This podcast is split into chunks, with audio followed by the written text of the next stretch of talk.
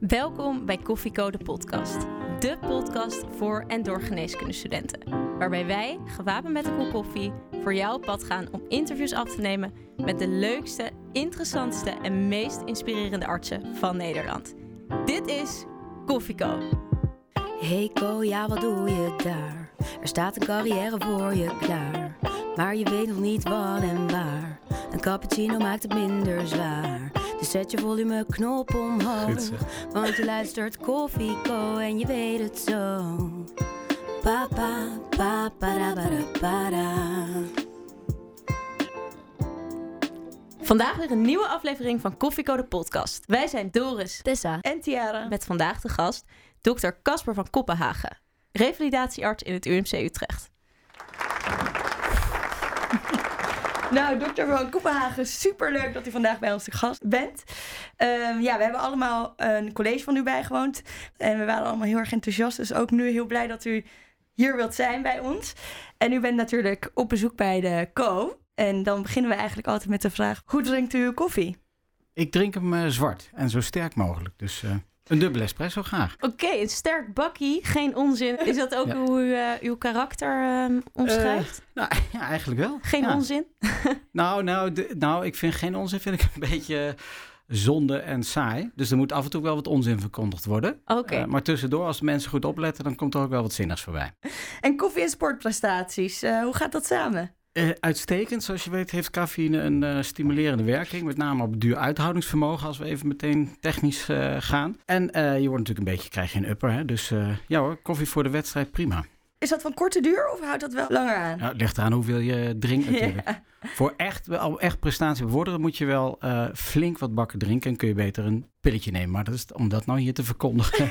Zo, Ja. dit wordt gevaarlijk. Laten Ja. we snel doorgaan eh, met een ander onderwerp, namelijk uw studententijd, waar het allemaal begon. Hoe was u als student? Nou, het is wel een tijdje geleden. Ehm, wat was ik voor student? Nou, ik eh, uiteraard eh, leergierig als, zoals jullie ook eh, zijn, zeg maar. Maar ik had wel oog voor de dingen om me heen, om het zo te zeggen. En tijdens mijn studententijd werd ik al snel gegrepen door een project... waar wij in starten met het oprichten van een voetbalclub. De studentenvoetbalvereniging Odysseus 91. Dat is een zeer swingende vereniging. Ja. En dat heeft wel wat studievertraging opgeleverd in ieder geval. Ja. Ja. Wist u meteen dat u geneeskunde wilde studeren? Nou, meteen eh, niet van in de luiers, maar wel vanaf het moment dat ik serieus over eh, mijn toekomst na ging denken. En dat was zo, ja, wanneer doe je dat? Rond je 16e, 17e. Ja. Ik deed toen heel intensief aan eh, sport, aan atletiek, sprinten. En was eigenlijk altijd geblesseerd. Dan had ik wel last van mijn liezen, dan weer van mijn knieën, dan weer scheurde ik een spier. En toen kwam ik in contact met een sportarts. En toen ik eenmaal een beetje in de gaten kreeg dat ik niet de nieuwe Olympisch kampioen op de 100 meter werd, dacht ik, goh, wat die man doet, eh, Peter Vergouwen, sportarts bij Papendal, eh, dat lijkt me nou echt leuk. En met die intentie ben ik eh, geneeskunde gaan studeren in eh, 1842, eh, zoiets, 1989. Hier in Utrecht, overigens. Hier in Utrecht. En met een beetje vertraging bent u uiteindelijk ook kooschappen gaan lopen. Ja, Hoe verging u dat? eh, moet ik ook even graven. Nou, het grappige is, ik werk nu in het UMC Utrecht. En eigenlijk vond ik die kooschap in het UMC Utrecht destijds verschrikkelijk. Verschrikkelijk. Het is natuurlijk, hè, jullie noemden net buiten de uitzending omdat het nogal hiërarchisch is in het UMC. En dat is intussen echt een stuk minder dan twintig jaar geleden. Eh, en daar had, ik, daar had ik wel last van. Dus ik was er al snel uit dat ik een goede keuze had gemaakt om uiteindelijk misschien niet in het ziekenhuis te gaan werken. Ja. En dat eh, doen de meeste sportartsen. eh, die werken niet in het ziekenhuis. Dus daar werd ik wel in bevestigd. Eh, maar ik merk nu, eh, eh, wat zitten we intussen, twintig jaar verder in de, in de tijd. En ik werk nu drie jaar in het UMC Utrecht met ontzettend veel plezier. Ja. Dus het is ook maar hoe je de zaken beleeft. En die hiërarchie die is soms gewoon nodig. En die is ook niet meer zoals die twintig jaar geleden was. Wij, ja, wij lopen nu ook allemaal kooschap. En dan voel ik me soms zo onhandig. En dan bedenk ik me wel eens, hoe zouden die specialisten zijn geweest? Hoe was u dan als co-assistent? U zei, ja, ik vond het niet leuk. Maar was u ook onhandig, zenuwachtig? onhandig. Of... onhandig zeker. Ehm, als je dat letterlijk bedoelt onhandig, dan klopt dat. Ik, ben- ik heb geen snijdend specialisme, ben ik ga- gaan uitoefenen.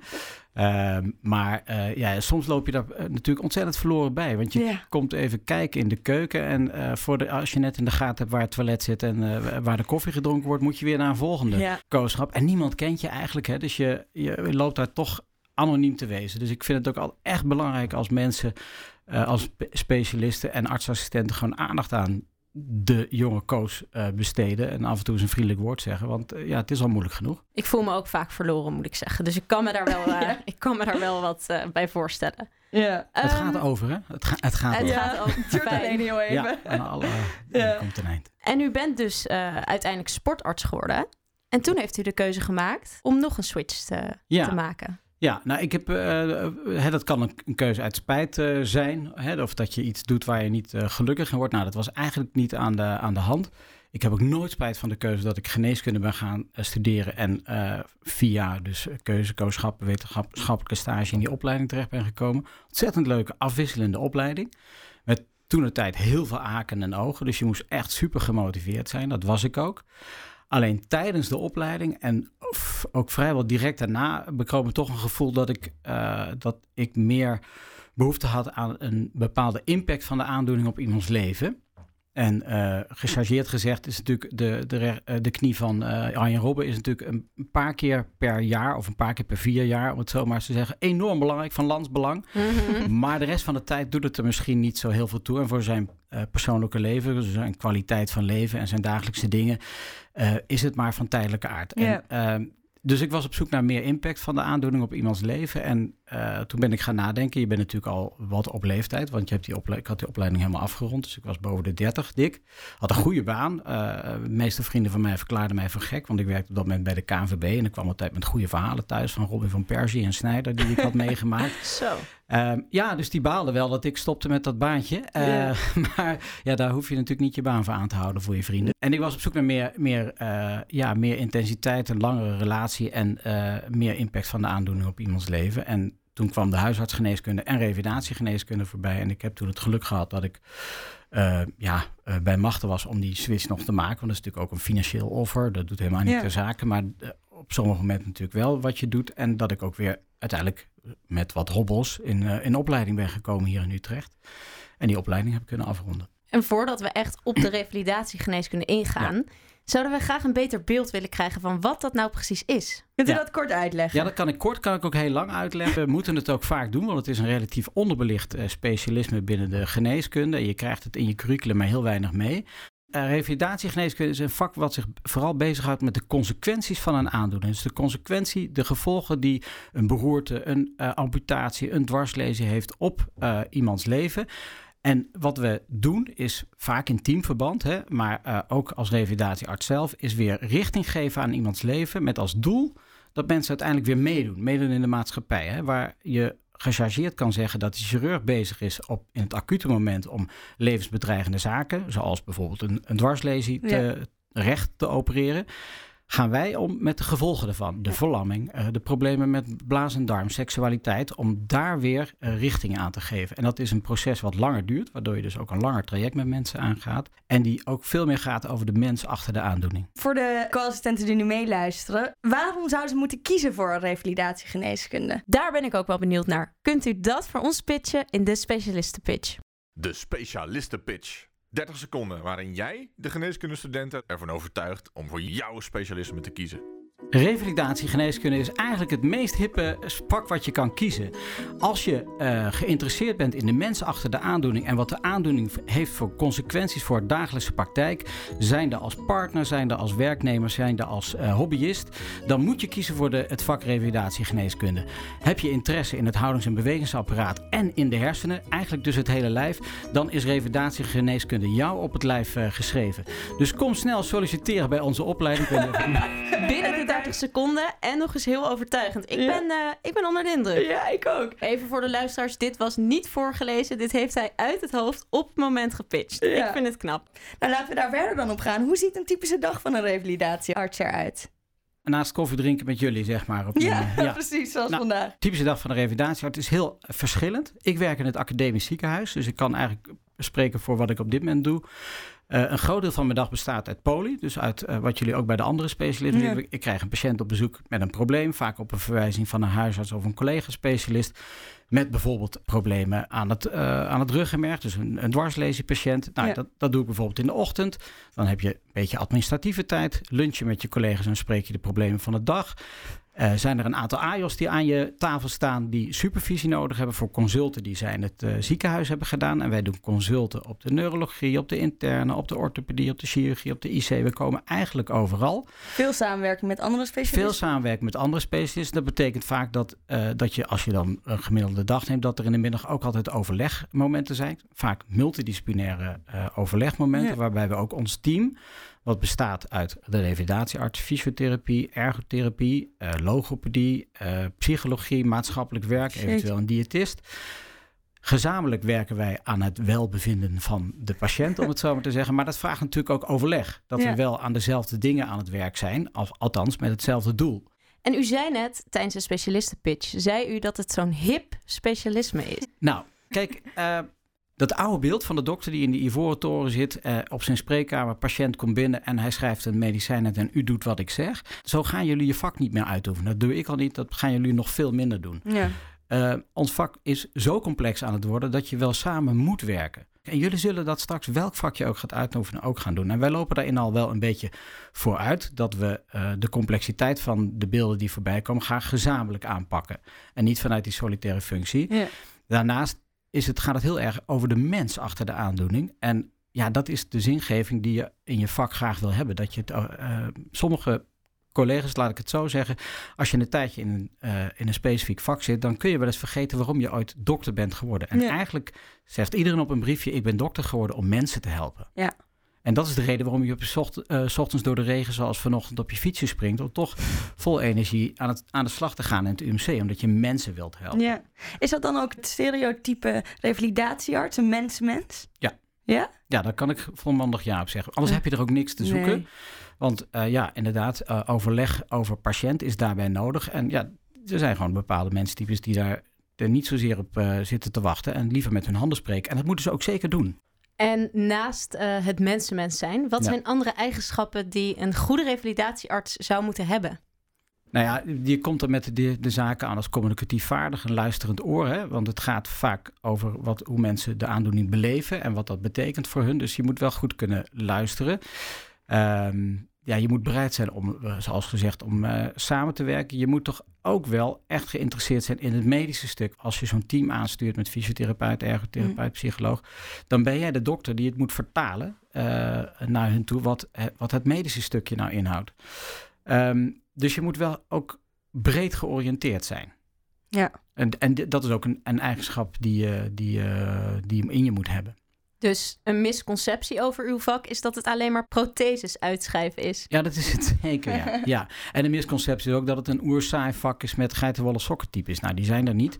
Uh, ten eerste wordt mijn vak op dit moment echt uitgeoefend voor het overgrote deel door vrouwen. Nou, daar is niks geitenwolle sokkers meer aan, uh, zoals jullie hier voor mij zitten, zou ik maar zeggen. Nee. Dus ja, Um, het is echt wel het vak van de toekomst, hoewel het ook onder druk staat, het vak zoals, zoals alle vakgebieden op dit moment. De patiëntenpopulatie, hoe ziet die eruit? Heel afwisselend. Het is eigenlijk, uh, vind je van 0 tot 100.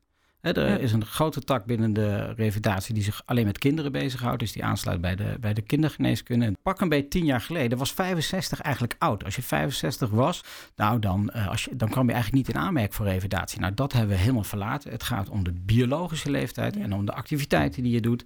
En dan uh, hebben we re uh, recent nog een 93-jarige gerevalideerd. Dan kun je je afvragen, is dat noodzakelijk? Ja, dat was in dit geval noodzakelijk, want het betrof iemand met een dwarslezing. Dat is heel specifiek.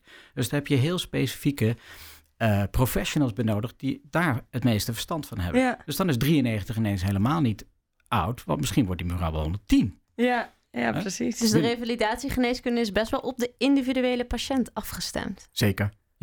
De, ja, de programma's die we aanbieden zijn altijd op maat gemaakt. En natuurlijk hebben we ook te maken met protocollen en is het handiger om alles in groepsverband te doen en, en geprotocoliseerd.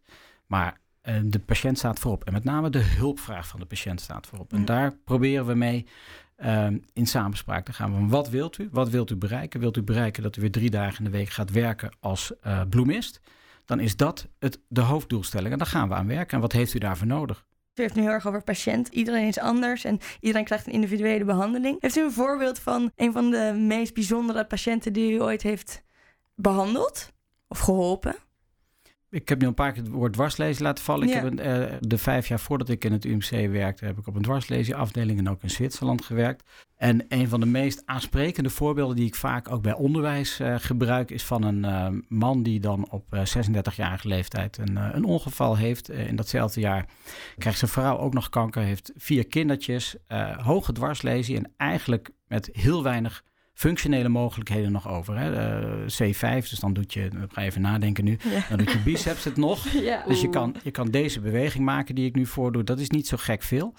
En die man, hij was boer van beroep. Hij had een grote boerderij. Om eh, twee jaar later, als we in de tijd, dus hij heeft gerevideerd in de Hoogstraat bij de collega's, of eh, toen nog bij mij. Ehm, en het voor elkaar gekregen om zijn woonom- en werkomgeving zo aan te passen dat hij zijn werk als boer kan uitvoeren. En dat kun je bijna niet voorstellen, maar dat hij in zijn rolstoel de koeien kan melken. Wauw. Ja, dat is oprecht wauw. En dat is ook iedere keer waar, waar ik van onder de indruk ben in ons vak. Dat mensen zo'n veerkracht kunnen tonen dat ze dit kunnen bewerkstelligen. Dat zijn de patiënten die erbij blijven. Tegelijkertijd blijven ook heel vaak de mensen bij die het niet redden. Dus die het niet redden om met die nieuwe, eh, ja, die nieuwe dagelijkse werkelijkheid te kunnen dealen. Want dat is natuurlijk ook wat. Ja. Want ik, ik deed het voor wat je dan kan, maar dat is niet gek veel. En als jij gewend bent om je hele leven heel actief te zijn, dus dat sport bijvoorbeeld het allerbelangrijkste in je leven is, en dat kun je dan niet meer, en je bent niet in staat om dat te veranderen, Ja. dus om je daaraan aan te passen, dan word je doodongelukkig. En die mensen zijn er ook, en die blijven ook bij, die het uiteindelijk niet redden om het nieuwe levensgeluk te vinden. Want dat, als het nou eigenlijk, eigenlijk om gaat in de revalidatie, is dat mensen weer het geluk terugvinden, ondanks de enorme beperkingen die ze Ja, hebben. exact. Hoe gaat u daar dan mee om eh, als dat bijvoorbeeld niet lukt en u ziet een patiënt die daar ongelukkig van wordt? Ja, nou ja, dat is ten eerste goed luisteren en, Ja. en, en proberen aan te sluiten. ehm, daar ook begrip voor op kunnen brengen.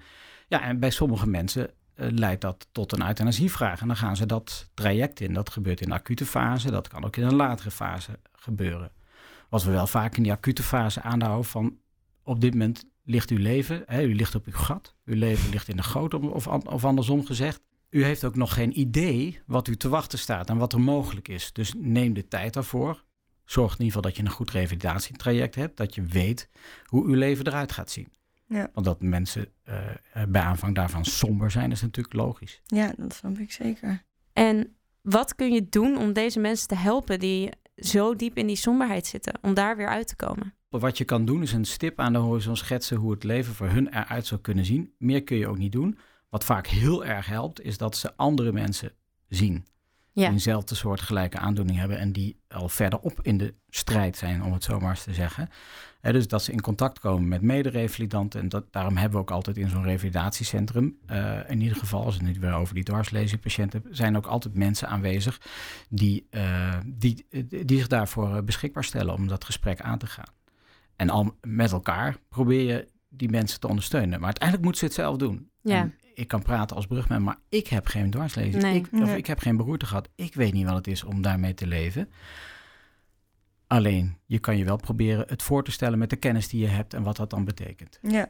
Bent u daar dan ook heel erg in gegroeid tijdens uw ja, opleiding, denk ik al, en ook tijdens het uitvoeren van uw specialisme, om daarmee om te gaan en dat beter te begeleiden? Of ging dat eigenlijk van het begin af aan al natuurlijk? Nou, daar, daar word je wel steeds beter in. Ook door je levenservaring, wat je, Ja. wat je zelf meemaakt in je leven. En, en dan is, komt het oude adagio natuurlijk. In het begin ben je heel erg bezig met genezen. Maar Ja. we genezen eigenlijk zo weinig mensen. En we kunnen hoogstens wat verhelpen de klachten. Maar wat we altijd kunnen bieden is troost. Troost kunnen we altijd bieden. En als mens, maar ook als dokter. En als je die ingrediënten bij elkaar voegt, ja, dan ben je wel, wat je ook gaat doen, een goede dokter. En je leert natuurlijk wel, als je wat ouder wordt, wat af en toe wat achterover te leunen. Wat ik heel veel jonge dokters zie doen, is voorover en, en we moeten die patiënt helpen. Maar gewoon eens achterover leunen en gewoon eens zeggen, jemper. Dat is niet eh, gering wat, eh, wat u heeft meegemaakt. Ja. Dat, dat, dat moet je voor de grap eens proberen in de komende maanden in je kooschap. Ook als dat niet goed voelt, wat dat, wat dat met je doet. En Ja. wat dat met de patiënt doet. Nou, toch weer een gratis tip van Gratis eh, tip. Ja. dokter van Ja. Oh, Koppenhagen. Heeft u eigenlijk ook een nachtdienst? Nou, op dit moment heb ik de luxe sinds één jaar dat ik geen diensten meer heb. Dat is wel Oh. opmerkelijk, want dat heb ik ervoor, die twintig jaar daarvoor ook gehad. Als sportarts heb je dat ook niet. Maar werk je bij een club als Ajax, dan kun je gerust om half drie s'nachts... Oh, u eh werkt bij Ajax? Nee, nee, Oh, bij Vitesse. jammer. Maar ik ben een enorme Feyenoord support. Maar Ja. eh, wa- waar ging het over? Over dienst. We hebben natuurlijk de revalidatiecentra, daar verblijven mensen. En dat zijn over het algemeen zieke en kwetsbare mensen. Dus daar heb je dienst voor. En dan heb je in, in, de, in de situatie dat je specialist bent, ben je de achterwacht. En is de AJOS, dus de assistent in opleiding, heeft dan de voorwacht. Die wordt als eerste gebeld. Ja, zoals Nou. gebruikelijk bij, ehm, bij alle andere Maar de specialisten. co wordt met rust gelaten. Hè, die. Oh ja? De co-telefoon. Bent u daar bekend mee met de co-telefoon? Nee, die Nee? kan ik me niet herinneren. Wij in mijn tijd hadden we piepers, hè? Dus eh, ja. Oh, Oh ja, ging wij hebben tegenwoordig een zo. telefoon en die eh, heb je dan de, een dag bij in de week. Maar de co-telefoon in onze podcast houdt eigenlijk eh, in Oh. dat de luisteraar een vraag instuurt via de co-telefoon. Oké. En eh, de vraag van deze week luidt, is een ehm, eh, co-assistent en die vroeg zich af, even kijken hoor, wat de laatste baanbrekende ontwikkelingen zijn binnen uw vakgebied. Eh, En ik denk dat die co-assistent misschien wel doelde op een robotarm Ja. of een Ja. eh, ja, zoiets. Eh, op de dag van vandaag, hè, als, je de, als je de kranten volgt en de media bijhoudt, ik zei al dat het hip en happening is. En daar houden zich heel veel wetenschappers, neurowetenschappers in de wereld houden zich bezig om er toch voor te zorgen dat op enig moment het probleem van eh, het ruggenmergletsel of hersenletsel is opgelost. En op dit moment hebben we nog steeds niet een pil, een prik of een operatie waardoor mensen eh, weer eh, direct kunnen lopen, waarom het plassen en poepen weer normaal gaat Ja. en ze hun arm en benen kunnen bewegen. Ehm, Gelukkig zijn daar hele slimme mensen mee bezig. En het gaat een keer gebeuren dat iemand de Nobelprijs wint... die mensen weer vanuit het ruggenmergletsel of hersenletsel aan het lopen hebben gekregen. En dat vraagt een hele tijd, dat vraagt geduld en dat vraagt stapjes die gemaakt worden... die op het oog dan voor degene die eh erbuiten zit heel spectaculair is... Maar voor, voor de patiënt zelf eh, nog niet echt bijdragend. Hè? Zoals bijvoorbeeld die eh, exoskeletons, weet je wel, van die robotpakken die je kan gebruiken. Dat is natuurlijk geweldig als die, als die er zijn en dat die ontwikkeling steeds verder komt. Alleen die dingen zijn knijterduur. Dus het geldt maar voor een heel klein deel van de wereldpopulatie die daar gebruik van zou kunnen maken. En hoe functioneel het is als jij dagelijks eh, je boodschappen moet doen in de Albert Heijn. Die vragen moet je altijd stellen, maar die ontwikkelingen die gaan best hard. eh, maar die gaan nooit zo hard als wij zouden willen. Eh, stamceltherapie, dat is ook hè, zoiets wat niet Mhm. alleen voor mijn vak, maar voor heel veel eh, vakken geldt. En daar zijn we nog lang niet op het punt aanbeland dat je voor een eh, behandelingetje stamceltherapie, dat je ruggenmerg het ineens weer doet of dat je hersenen weer normaal Nee. functioneren. Hoe ziet u dat over, laten we zeggen, 10 of 20 jaar? Hoe ver denkt u dat we daar dan in zijn? Ja, ehm, ja, wat ik denk is niet zo van belang, maar wat de mensen die daar, die daar helemaal in gespecialiseerd zijn af van zeggen is dat zij in ieder geval dat niet in hun carrière gaan meemaken. En dat zijn vaak de mannen van tussen de, en vrouwen van tussen de 50 en 60 die helemaal in die materie zitten. Ja. Maar het, eh, het zou maar zo kunnen dat ik dat nog wel voor mijn, mijn eh, huizenavondrood eh, ga meemaken. Dat, er, dat daar baanbrekende. Ja. Dat, dat is natuurlijk wel de hoop dat ons Ja. vak overbodig wordt. Dat is de hoop. Dat is de hoop. Dat, ja, dat is toch de hoop. Dus dat er, er iemand valt van een berg, eh, breekt zijn rug, eh ruggenmerg is door midden. Ha, maar daar hebben we een oplossing voor. Want u moet even naar die en dat loket en dan stoppen we dat in uw rug. En dan, Ja. dan, dan komt het weer allemaal goed. En dan zijn wij in de revalidatie in geneeskunde helemaal niet nodig. Nou, dan bent u overbodig geworden. Ja, dat duurt nog wel even. En tot die tijd is het heel goed dat we er zijn. Ja, dat denk ik zeker ook. Nou, u had het net over dwarslesies en de patiënten die u vaak ziet. Ik vraag me af, de trauma's die zich dan voordoen, zijn dat vaak dezelfde soort dingen? Bijvoorbeeld van een berg vallen of auto-ongelukken? Of wat ziet u nou vaak? Of is Ja. dat allemaal verschillend? Toen ik studeerde was de, de dwarslesie en traumapatiënt was de jonge dertiger die aan het uh, abseilen, uh, skiën of aan het uh, crossen was, zeg maar. Hè? Ja.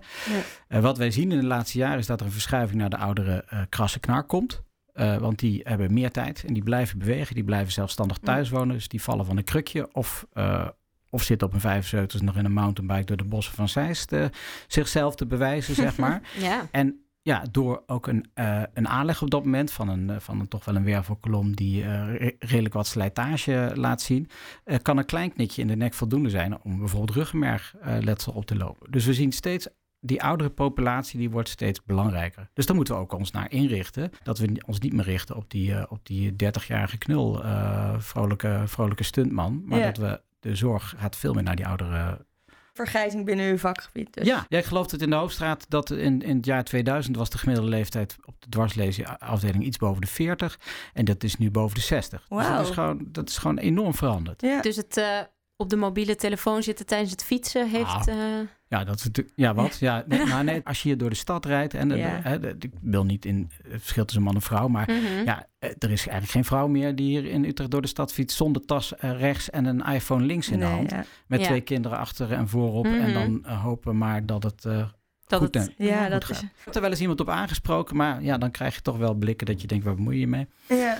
Want over Ja. fietsen gesproken. Ik kwam net binnen in een, eh, in een jasje met eh, bikers of iets van bikers erop. Ja, En u- u nou, kwam- bikers, wel, voordat je denkt dat ik een van de motor... Niet motorbike Ja, handbike battle. Wilt u daar iets meer over vertellen? Nou, daar wil ik wel wat eh, over vertellen. Eigenlijk is dat wel een hoogtepunt eh, van mijn carrière, als ik dat zo eh, beschrijf. Eh, ehm, dat is een wedstrijd die wij in Nederland organiseren. Echt een battle tussen tien verschillende revalidatiecentra die een team inbrengen van gemiddeld vijf personen die in de afgelopen tijd, de jaren daarvoor, een uh, dwarslezing hebben opgelopen of een amputatie hebben ondergaan of een zware beroerte hebben gehad. En die mensen dagen we dan uit om goed getraind aan de start te verschijnen van een eh handbike-wedstrijd. Dus een handbike, weet je, dat is in een, zittend in een rolstoel. Ja, ik doe het nu voor, daar heeft, Ja. de, daar heeft de luisteraar niks aan. de biceps Maar- zijn nodig maar in met ieder je geval. arm, met de biceps. En, een, en wat we dan doen is dat we een... eh, dus we hebben drie maand trainingsprogramma achter de, achter de rug. Wat er voor nodig is om die wedstrijd aan te kunnen. Dus een Ja. 20 kilometer lange eh, bestijging van een berg. En ik geef het je te doen. Ik heb het zelf wel eens geprobeerd. Nou, als je dat ongetraind doet, na 500 meter ben je klaar. Hoeveel procent is de Ja, snelheid? op, op, op naar 18 procent. Zo. 16, 18 procent. Zo. Natuurlijk ook minder steile stukken, anders houdt het niet vol. En eigenlijk is dat een... En de, eh, de snelste, de Paralympische kampioen... dus die de bovenarm heeft waar mijn eh onderbeen in kan, zeg maar... Ja. Bielse van Armen, die eh, doet er een uur en vier minuten over. De snelste fietser van de groep, waar de- een triatleet, zeg maar... Mhm. die, die begeleidt, die doet er anderhalf uur over. Ik heb, vorig jaar heb ik hem 1, min- 1 uur 50 gedaan, maar die handbikers zijn er die er zes uur over doen. Je, Wow. jezus, dat is langzaam. Nee, maar dat is wat, als je een hoge dwarslezing hebt, wat het is. Dus je doet er veel langer over. Dus een veel grotere prestatie om maar de mentaliteit te hebben om maar door te blijven Wat Ja. een uithoudingsvermogen Ja. is daarvoor nodig. En Nou u ja, bent daar Vooral dan... mentaal. Ja. En u bent daar dan om hun te supporten en als arts zijn. Nou, dat ook wat we hebben. We moeten het wel gezond naar boven gaan. Dus vandaar dat die voorbereiding zo belangrijk is. En de mensen worden ook allemaal getest. ja. En die worden goedgekeurd door de medische staf. En het moet ook op die dag goed gaan. En eh, het is best, ja, sporten is best eh, een dingetje, zeg maar. Dat kan ook, hè, dat je kan zomaar van je fietsje vallen, om, maar, om het maar eens zo te zeggen. Dus er is gewoon medische begeleiding nodig. Maar een bijzonder, weet je, je kunt je voorstellen dat als jij een jaar geleden een, een dwarslezing hebt opgelopen en jij eh, bent in staat om die wedstrijd eh, goed tot een einde te brengen en je die laatste stuk naar de finish wordt je begeleid door je dochter en je zoon en je vrouw die achter je loopt. Nou, dan houden weinig mensen droog. Eh, ja, kan me voorstellen. Ik ook niet, te krijgen nu ook weer kippenvel Ja. van. Ja, Ik ook. Ja. ja. Dat is wel een heel bijzonder, eh, bijzonder hoogtepunt. Het, is, het is een samenspel van professionals in de zorg. Eh, Een aantal gekken die dan eh, dat bedenken eh, om zo'n wedstrijd te organiseren. En de eerste keer dat ik zelf die beeld opreed, dacht ik, wie heeft dit verzonnen? Was ik daarbij? Ja, daar was ik bij. Ehm, en, eh, en, en, en een hele mooie samenwerking tussen diverse professionals, zoals fysiotherapeuten, ergotherapeuten, revalidatie, geneeskunde. Ja. En eh, ja, prachtig. Echt mogen heel mooi. Mogen we als revalidatie trots op zijn. Ja. Zeker. En naast dat fietsen wil ik toch nog even, nou ja, doorgaan eigenlijk op het sporten wat u zelf doet. Ja. Want u wilde ooit sportarts worden, bent dat ook geworden. Ehm, maar wat doet u zelf aan sport? Nou, ik heb, eh, zoals gezegd, heel intensief aan atletiek gedaan. Maar ja, op een gegeven moment eh, eh, was dat voorbij. Toen wilde ik dus weer gaan voetballen. En toen heb ik die studentenvoetbalvereniging opgericht. Mhm. En eigenlijk heb ik dat mijn hele leven gedaan. Niet minder blessuregevoelige sport natuurlijk, zou je Nee. denken van afstand. Dat is het ook helemaal niet. Dus Nee. daar was ik altijd geblesseerd. Ja. Ehm, maar in mijn hoofd voetbal ik nog steeds. Maar stiekem ben ik wel gestopt eigenlijk sinds een jaar. En ja, ik beweeg mijn hele leven al. Dus dan ga je dat, eh, ja, het klinkt wat ouderlullig, maar andere dingen doen. Wandelen, fietsen, fitness. eh, Ja. Nou, dat soort dingen. Er is geen vervanging voor voetballen. En er is ook geen vervanging voor die 60 meter sprint die ik het liefst de hele dag door doe. Maar ja, dat moet wel, want dat, dat lijf, eh, ja, eh, veel uit elkaar, zeg maar, van ellende. Dus Ja. je moet, je moet eh, een beetje aanpassen. En over, ja, over voetbal gesproken, u zei het net al heel even. U bent als sportarts geweest van VVV Venlo. Ja, Klopt dat? ja. Een van de Ja. leukste baantjes eh, was ik alweer vergeten. Ja. Ze stonden stijf onderaan in de eerste divisie. Maar het lag niet aan de meest begeleiding. Oké. Hoe Mogen dat even duidelijk zijn? Ja, nou ja, dat was helemaal niet. De, ja, ja, ze doen het nu veel beter. Maar toen ging het helemaal niet. Ze hadden geen, eh, geen geld voor goede, goede spelers. Ze hadden ook eigenlijk geen geld voor een dokter. Maar toen was ik nog in opleiding. Dacht ik, nou, dat is een leuk baantje om te doen. En het grap was dat het een van de leukste banen was. Want ze hadden niks, geen medisch beleidsplan. Dus dat heb ik helemaal kunnen uitschrijven. En, eh, eh, en uiteindelijk eh, ja, moest ik aan mijn vrouw uitleggen, of mijn toenmalige vriendin, zeg maar, mijn huidige vrouw, hoe zeg je dat? Ja, Ja. zeg, uitleggen waarom ik op iedere vrijdagavond met die ploeg op stap ging, terwijl ik er niet voor betaald kreeg. dacht ik, ja, ja, dat. dus toen heb ik tegen ze gezegd, jongens, eh, of jullie gaan me fatsoenlijk betalen, want dan kan ik dat thuis eh, Ja. uitleggen. Of het is zien het als hobby en dan, eh, dan ga ik andere dingen doen, eh, dichter bij huis, want ik woonde helemaal niet in Venlo. Nee, dat snap ik. Jeetje. En daarna Ja. bent u overgestapt op Vitesse. Nou, ik ben toen bij, eh, poeh, eh, ik werkte toen in het ziekenhuis Rijnstaten en, eh, en was jeugdarts bij, eh, bij Vitesse. En werkte toen bij de KNVB bij Jong Oranje. En toen heb ik dus Oh. besloten, want dat klinkt allemaal heel leuk. Ja. En dat was het ook. Maar toen heb ik toch besloten om de revalidatie Ja, te ja, doen. ja, wat u zojuist Ja. vertelde. En heeft u daar ooit spijt van gehad, van de revalidatiegeneeskunde? Nee, zoals al zei, mijn vrienden wel, maar ik niet. Nee. Nee. Want het, eh, je moet het ook helemaal, het leven is te kort om spijt te hebben. Ja. Eh, dus je doet de dingen goed doordacht. En het was op dat moment- ik kon er niet meer voor weglopen. Dus als je nu denkt, hè, want het, natuurlijk, jullie hou je bezig, wat moet ik later worden? Nou, ik weet het nog niet wat ik later wil worden. Hè, dus zo is het leven ook. Eh, maar soms gaat het via kronkelwegen en kom je op de, op de plek, terecht waar je, ja, waar, ja, plek van bestemming. En die weg is prachtig. Ja. Ja. En ehm, u heeft het over heel veel positieve van uw vak. Zijn er eigenlijk ook negatieve dingen? En wat zijn die dingen? Dan beginnen we natuurlijk over de regelgeving en over de administratielast. En dat is ook echt wel een, een hot item waar we met z'n allen wat aan moeten doen. Eh, waar je je zorgen om maakt, is wel over eh, hoe we in, in hemelsnaam eh, de kosten kunnen beteugelen. Hè. Daar hebben we jullie straks hard bij nodig. Daar worden jullie ook veel beter in opgeleid dan, dan wij. Want ja, we kunnen de zorg in Nederland niet betalen als we zo doorgaan. Dus daar maak je wel zorgen over, over de kwaliteit en de keuzes die we moeten maken. En dat is ook wel iets waar je af en toe ongelukkig eh, van kan worden. Ik ben, Ja. Sinds kort zit ik in het bestuur van de wetenschappelijke vereniging. Dus dan ga je over het revalidatiebeleid. Hè? Mhm. En eh, ja, daar liggen op dit moment dossiers, zoals dat heet op ons bordje. eh, ja, die echt, echt groot zijn. En die be- bepalend zijn van hoe ons vak er over vijf of tien jaar uitziet. En, en, en wat we dan nog doen. En dat is voor een overgroot deel ingegeven door, ja, door de kosten. Dus dan, hoe, hoe, we het, hoe, hoe gaan we het organiseren dat we toch met het huidige budget, eh, dat we niet failliet gaan als Nederland. Dat we Ja. toch goede zorg kunnen leveren. Dat zijn de grote vraagstukken die liggen. Daar weten wij denk ik allebei ook eh, helaas nog niet het antwoord op. Nee, net niet. Nee, helaas. Ehm, waar ik nog wel benieuwd naar ben, is eh, de opleiding tot revalidatiearts. Ja. Dat was niet heel lang geleden, want Nee. u heeft die switch gemaakt. Hoe ziet dat eruit? Ehm, nou, de opleiding van sportarts eh, moet je maar aan de sportgeneeskunde vragen. Maar dat is ook een vierjarige specialisatie, dus na je basis. Ik ben echt heel lang artsassistent geweest. Ja, en eh, dat geldt ook voor de revalidatiegeneeskunde. is een eh, vierjarige opleiding waarbij je, als ik spreek voor hier in Utrecht, eh, in het revalidatiecentrum De Hoogstraat werkt. Op diverse afdelingen, op de neuro, eh, neurologieafdeling, op de dwarslesie, traumatologie. Je doet een stage in het UMC Utrecht. Je doet een stage in het Antonius eh, ziekenhuis. En je doet een stage kinderrevalidatie. Verder volg je heel veel basiscursussen. Er zijn natuurlijk meer wel dan niet. Die assistenten hoor je de specialisten altijd brommen. Ehm, eh, dat is misschien ook wel een beetje zo, maar het, het, in die zin een heel afwisselende opleiding. Waarbij het, de persoonlijke ontwikkeling eh, tegenwoordig steeds meer op de voorgrond eh, staat. En over die persoonlijke ontwikkeling. Ja. Ik ben nu inmiddels wel benieuwd geworden naar de persoonlijkheid eh, van u. De Ehm, persoon achter de revalidatiearts. Wie, wie, wie, bent zit, u ja. nou eigenlijk? Nou, daar word ik voor behandeld. Want ehm, nou, een vraag die wij dan vaak stellen is... Hoe ontspant u? Wat doet u als u niet aan het werk bent? Buitensport, wandelen, fietsen, eh, dat is belangrijk. Dus de, fysiek bezig houden met vrienden, eh, op stap zijn. Ik kan me niet gelukkiger maken dan een avondje met vrienden in de kroeg zitten. Niet te veel drinken, want dat wordt echt minder met het loop van de jaren dat je daarvan herstelt. Ehm, ik kan me enorm goed ontspannen tijdens een, eh, eh, het kijken naar een voetbalwedstrijd, zowel op tv als in het stadion. En, eh, ja, en, en ook af en toe stilstaan.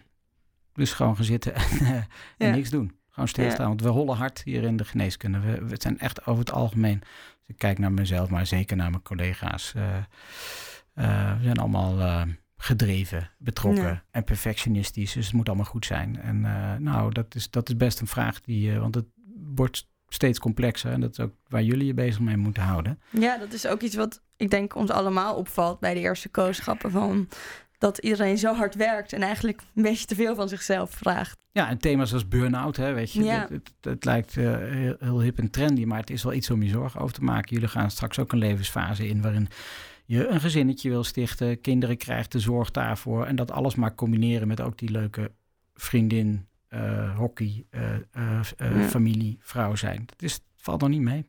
Ja, en een goede dokter worden En, natuurlijk. en vooral een goede dokter worden. Ja, Ja. ja. maar dat, en dat is een enorme investering. Dat komt niet vanzelf. Want je moet je blijven ontwikkelen. Ja. Je moet mee, je moet lezen, je moet ook in je vrije tijd willen investeren om- als je goed wil worden. Heeft u zelf ook wel eens tegen een burn-out aangezeten? Ik heb eh, niet tegen een burn-out aangezeten. Ik heb wel eh, in een periode in mijn leven, een hele slechte periode van mijn leven, heb ik wel geworsteld met de hoeveelheid energie die ik had, omdat gewoon het privéleven heel veel van mij vroeg. Ehm, en dat is natuurlijk wat het is. Hè. Je bedrijf topsport, maar als er dan een radertje minder of, eh, gaat lopen of vastloopt, ja, dan eh, is het zaak om jezelf op de rit te houden. En Ja. dan kan het ook soms zijn dat je gedwongen wordt om tijdelijk gewoon minder te werken. Of anders te werken en, en de dingen anders te doen. En ja, dan, dan wordt je wel iets gevraagd van je veerkracht. En wat wij dan vooral niet goed doen als dokter, is dat wij goed voor onszelf zorgen.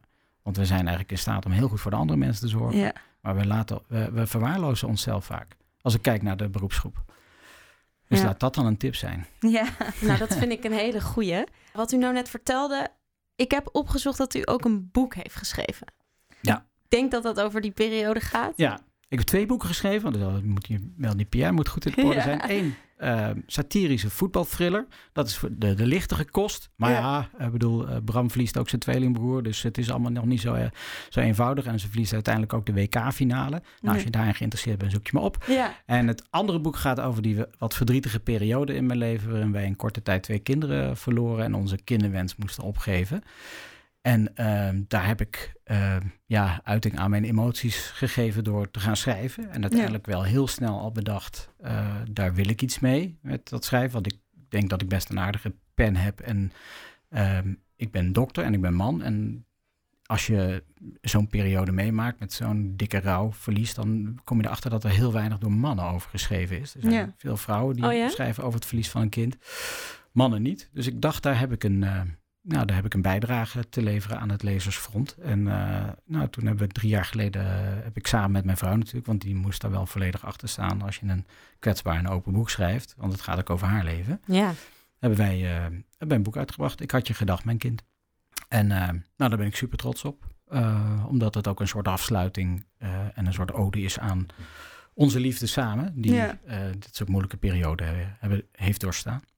Nou, dat vind ik wel enorm veerkrachtig als ik dat zo mag zeggen. ja. Net zoals uw patiënten laat u nu ook zien hoe veerkrachtig de mens eigenlijk kan zijn. Ehm, ja, in, zeker, ja, in zekere zin. eh, want ik zeg dat wel eens dat ik me verbaas over de mensen. Maar ik heb me ook wel verbaasd over hoe wij dat hebben gedaan. En, maar je doet maar wat. ja. En je doet maar je best. Eh, en, eh, maar we hebben wel allebei gevoeld dat je ook... eh, ja, ik liep wel eens, ook wel eens door, door het park gelopen dat ik... eh, een, uh, een clochard zag liggen en dacht van ja, misschien uh, heb je ook wel meegemaakt wat ik heb meegemaakt. Want ik voel me richting dat randje gaan. Ja, hè? En, en, gelukkig ben je dan gezegend met een ja, goed sociaal netwerk en een gezonde geest. Uh, maar dat is, zodat je het overleeft. Maar het was hard werken. Heeft die gebeurtenis u ook gemaakt naar de dokter die u nu bent? Nou ja, ik zou uh, ook zonder die gebeurtenis was ik. Uh, het gebeurde wel in die periode dat ik net naar de revalidatiegeneeskunde toe uh, ging. Was ik al wel wie ik was, maar het vormt je natuurlijk wel. Het Ja. vormt je natuurlijk wel. Ja, en het dat- geeft je ook wel wat inzicht in wat verdriet, rouw en een nieuwe stip aan de horizon eigenlijk precies betekent. Ja. Ehm, maar ik weet nog steeds niet hoe het is om met een dwarslesie of met een beroerte of met een groot Nee, ongeval te leven. niet. Alleen, Nee, het is een ander soort verdriet. ja, Nou, om Ja. dan ehm, door te gaan naar iets lichtere kost, Ja. ook voor ons, ja. ehm, wilden wij graag met ons item beginnen. En dat is het doktersdilemma. Oh ja, In het doktersdilemma gaan wij omsoort een vraag aan u stellen waarop u antwoord moet geven. ik ben er klaar voor. Het doktersdilemma. Het leven bestaat soms uit lastige keuzes. Denk niet te lang na en geef snel antwoord. Sport of spel? Sport. Een fictief... Oh nee, spel. Ja. Oh, toch spel? Ja. Oké, dat mag nog. Een fictief luisterboek of een informatieve podcast? Informatieve podcast. Sportarts of revalidatiearts? Revalidatiearts. VVV Venlo of Vitesse? Vitesse. of Feyenoord? Feyenoord. In het ziekenhuis werken of in een revalidatiecentrum? In een combinatie. Liever een boek schrijven of liever een boek lezen? Een boek schrijven. Kinderen of volwassenen als patiënt? Volwassen. Teamspeler of solo? Team. Cardioloog of SCH-arts? SCH-arts. Uitgebreid uit eten of naar de bioscoop? Uitgebreid het eten. Nou, dat was hem. U had wel een lekker tempootje te pakken. Dat Nou, is toch ook? Onze re- Ja, dat zeker. moest, maar dat zijn we niet van iedereen eh, U was- gewend. U zei SCH-arts in plaats van cardioloog. Ja, ik heb het allebei eh, gedaan eh, in mijn opleiding tot sportarts. Ja, dus een jaar vertelde. spoedeisende eerste hulp en een jaar cardiologie. Dus vandaar de, de voorkeur. Be- Beide schitterend eh, vak. Beide ook een vak wat ertoe doet. Ja. Maar de SCH is nog veel breder dan alleen het hart. En, dat, en, en met, met van licht tot zwaar. Gewoon variërende. ja, variërend. Ik zou het eigenlijk iedere jonge dokter adviseren om, om een tijdje op een SCH te gaan werken. Ja? Dan wordt, ja, je wordt, ja, tuurlijk. Je hebt die pieper in. Als die afgaat, moet je lopen. En je moet dingen doen. En Rennen. Het lijkt mij zenuwslopend. Rennen, Dok. Ja, ja. zenuwsloop. Maar je bent natuurlijk niet de hele dag aan het... eh, want je bent, zit ook wel eens niks te doen. Ja, dat en het zijn ook wel eens een klein een enkel verstuikingje. En, eh, maar dat is hartstikke belangrijk wat je ook gaat doen. Dat je weet, want de buurvrouw die komt ook een keer met die enkel verstuiking. Ja, dat is ook zo, ja. En Nou, die, en die wellicht, staan bij jou ehm, aan de deur te bellen. hè? Ja. Ja. Wellicht interviewen we de volgende keer wel een SCH-arts. Ja. Ik was wel benieuwd. U gaat liever uitgebreid uit eten? ja, want het alternatief was de bioscoop, toch? Mhm. Ja, dat doe ik, ja, ik doe natuurlijk beide graag. Maar Ja. maar eh, bioscoop is eigenlijk een, eh, een solitaire aangelegenheid. Hè? Jij zit in die film, je praat natuurlijk na. En daar doe je dan met een biertje. En dan kom je ook weer verder in het leven. Dus het is heel belangrijk om naar films te gaan die verstrooiing bieden. Maar dat uitgebreide etentje, dat zie ik in de sociale context van we elkaar wat beter leren kennen. En, eh, en verhalen vertellen en gezellig samen zijn. Daar kan ik me wel in vinden. Ik ook. Maar u twijfelde ook heel erg over sport of spel. Ja. Vertel daar, want ik Ja. zou zeggen sport. Jawel, maar het spel, ja, met het, als je sport goed bedrijft, is het ook een spel. Ja. En ik vind, het- ik zeg niet het leven is één groot spel, maar we zouden wat meer mogen spelen. hè. Want het is natuurlijk overdag super serieus wat we doen, maar ook in het, het samen zijn met, met de patiënt is ook een soort spel. Ja, het is geen sport. Nee. En bent u dan een beetje fanatiek Ik ben heel in het spel? Ja, ik ben heel fanatiek. Kunt u tegen uw verlies of niet? Eh, dat zou briljant zijn om te zeggen dat ik dat heel goed kan, maar eh, eigenlijk niet. Nee hoor, ik ben heel competitief, ja. ja. Nou, Heel daar kan eerlijk. ik ook wel wat van hoor. Nou, eigenlijk eindigen we altijd eh, met een laatste tip voor de co-assistent. Hij heeft tussendoor al wat tips gegeven. Maar wat is nou de gouden tip die u zou mee willen geven aan de co-assistent? Ja, die tip die gaat natuurlijk dan over wat je dan wil worden als je later groot bent, zeg maar. Hè? Wat je daarin moet doen. En Het dan- liefste wel, ja. Ja. Ja. En dan kan ik een open deur geven als zijnde, je moet dat in je hart volgen. Maar het is wel waar het om gaat. Als jij de komende jaren gebruikt om goed te kijken wat eh, de dokter doet. Dus je hebt, iedereen heeft altijd een bepaalde voorkeur op enig moment. Ik wil wel niet of niet internist worden. Maar ga goed op zoek naar wat diegene overdag gedurende eh, eh, vijf dagen of zes dagen in de week doet.